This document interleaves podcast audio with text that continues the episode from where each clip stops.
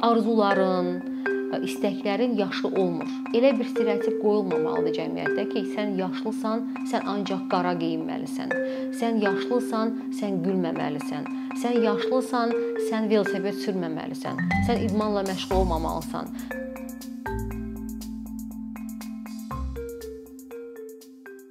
Dörd il öncə, deməli mən bu layihənin digər həmtəsisçisi Natavan Yusifova ilə birgə biz Avropada idik və biz gəzərkən gördük ki, Avropada fikir bizim nəzərimizi fərqli bir şeylər cəlb etdi. Yaşlı insanlar gördük bir kütlə. Onlar gəzirdilər. Elə oldu ki, biz onlarla bir müəyyən bir yolu qət etdik fikir verdik ki, bunlar heç bir belə deyək çətinliksiz səyahət edirlər. Biz biraz onlara qulaq asdıq, dinlədik, gördük ki, onlar pensiyaçıdırlar və sadəcə bir səyahətə çıxıblar. Bu bizdə çox böyük bir maraq oyatdı. Və biz ölkəmizə qayıdanda araşdırdıq ki, bizdə Azərbaycanda yaşlı insanların asudə zamanlarını keçirəcək bir platforma varmı?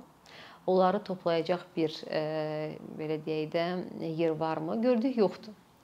Və düşündük ki, niyə də yox? Biz niyə də Azərbaycanda öz yaşlı insanlarımızı bir araya toplayacaq bir platforma yaratmayaq və ilk addımımız elə 19 nəfərlə yola çıxdıq. Onları ilk dəfə e, bir e, tarixçinin ev muzeyinə dəvət etdik. İlk görüşümüz biraz çətin idi. Çünki insanlarda çox böyük bir e, şübhə və güvənsizlik var idi ki, bizi bu iki qız hara aparır, niyə aparır? Məqsəd nədir? Sadəcə biz çalışdıq onları e, o bir neçə saatı onlarla e, çox xoş keçirək və həmin günün sonunda çox pozitiv bir geri dönümlər aldıq və başa düşdük ki, biz bu layihəyə davam etməliyik. Növbəti görüşlərə başlayanda növbəti tədbirləri təşkil edəndə e, gözlənilməz cavablar aldıq ki, bu mənə maraqlı deyil. Gördük ki, insanlar gəlmək istəmirlər. Kimi dəvət edirik, deyir, yox, mən mən ora maraqlı deyil. Ora uzaqdır. Ora neçənci mərtəbədədir? Mən ora qalxa bilmərəm, ayaqlarım ağrıyır. Biz də Natavanla bir-birimizə baxdıq ki, nəsə düzgün etmirik. Anladıq ki, layihəni məhz bu insanların maraq dairələrinə görə istiqamətlərə bölmək lazımdır. Və bu e, sonradan nəticədə gördük ki, yanılmamışıq. Və biz e, bu 3-cü bahar layihəsini deməli e, maarifləndirici, sağlamlıq və yaradıcılıq hissələrinə böldük. Hər insan, bura hər bura gələn hər insan hər bir sahədə özünü tapır. Məsəl üçün deyə bilərəm ki, 3-cü baharda uzun illər rəsmlə məşğul olmaq istəyən, arzusunu quran, uşaqlıq arzusu olan, amma onu heç bir zaman həyata keçirə bilməyən insan artıq onun rəsm əsərləri bizim mərkəzimizin divarlarını bəzəyir. Yəni o müəyyən kurslar keçir, sıfırdan bu rəsmə yiyələnir və artıq e, çox gözəl rəsm əsərləri yaradır.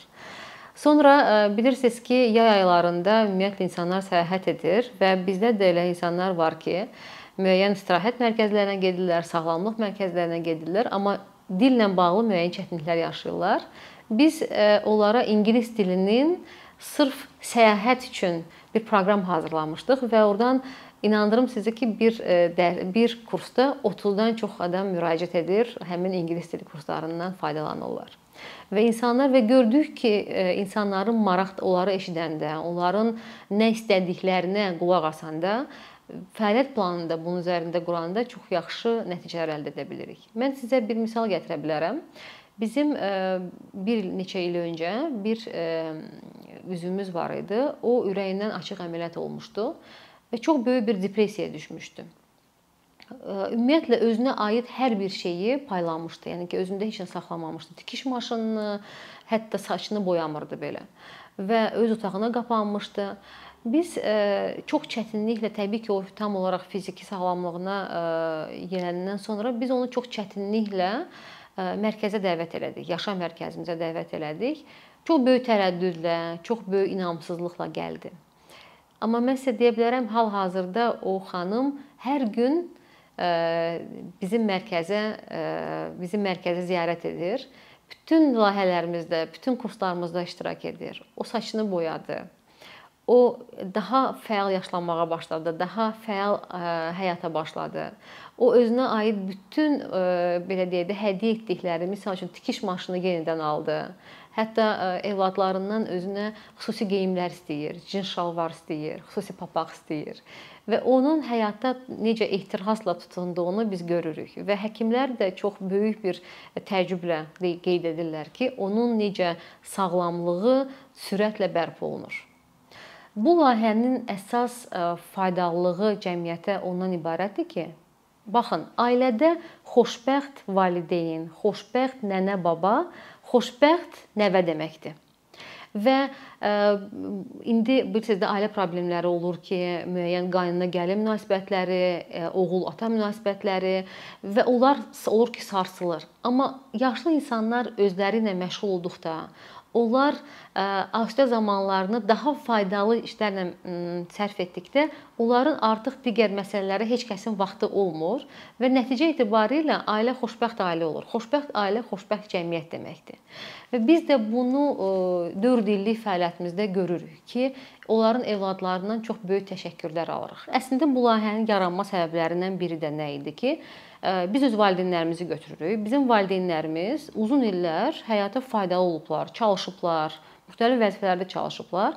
Müəyyən yaş dönəmi gəlir və onlar pensiyaya çıxırlar. Onların həyatı qırılır.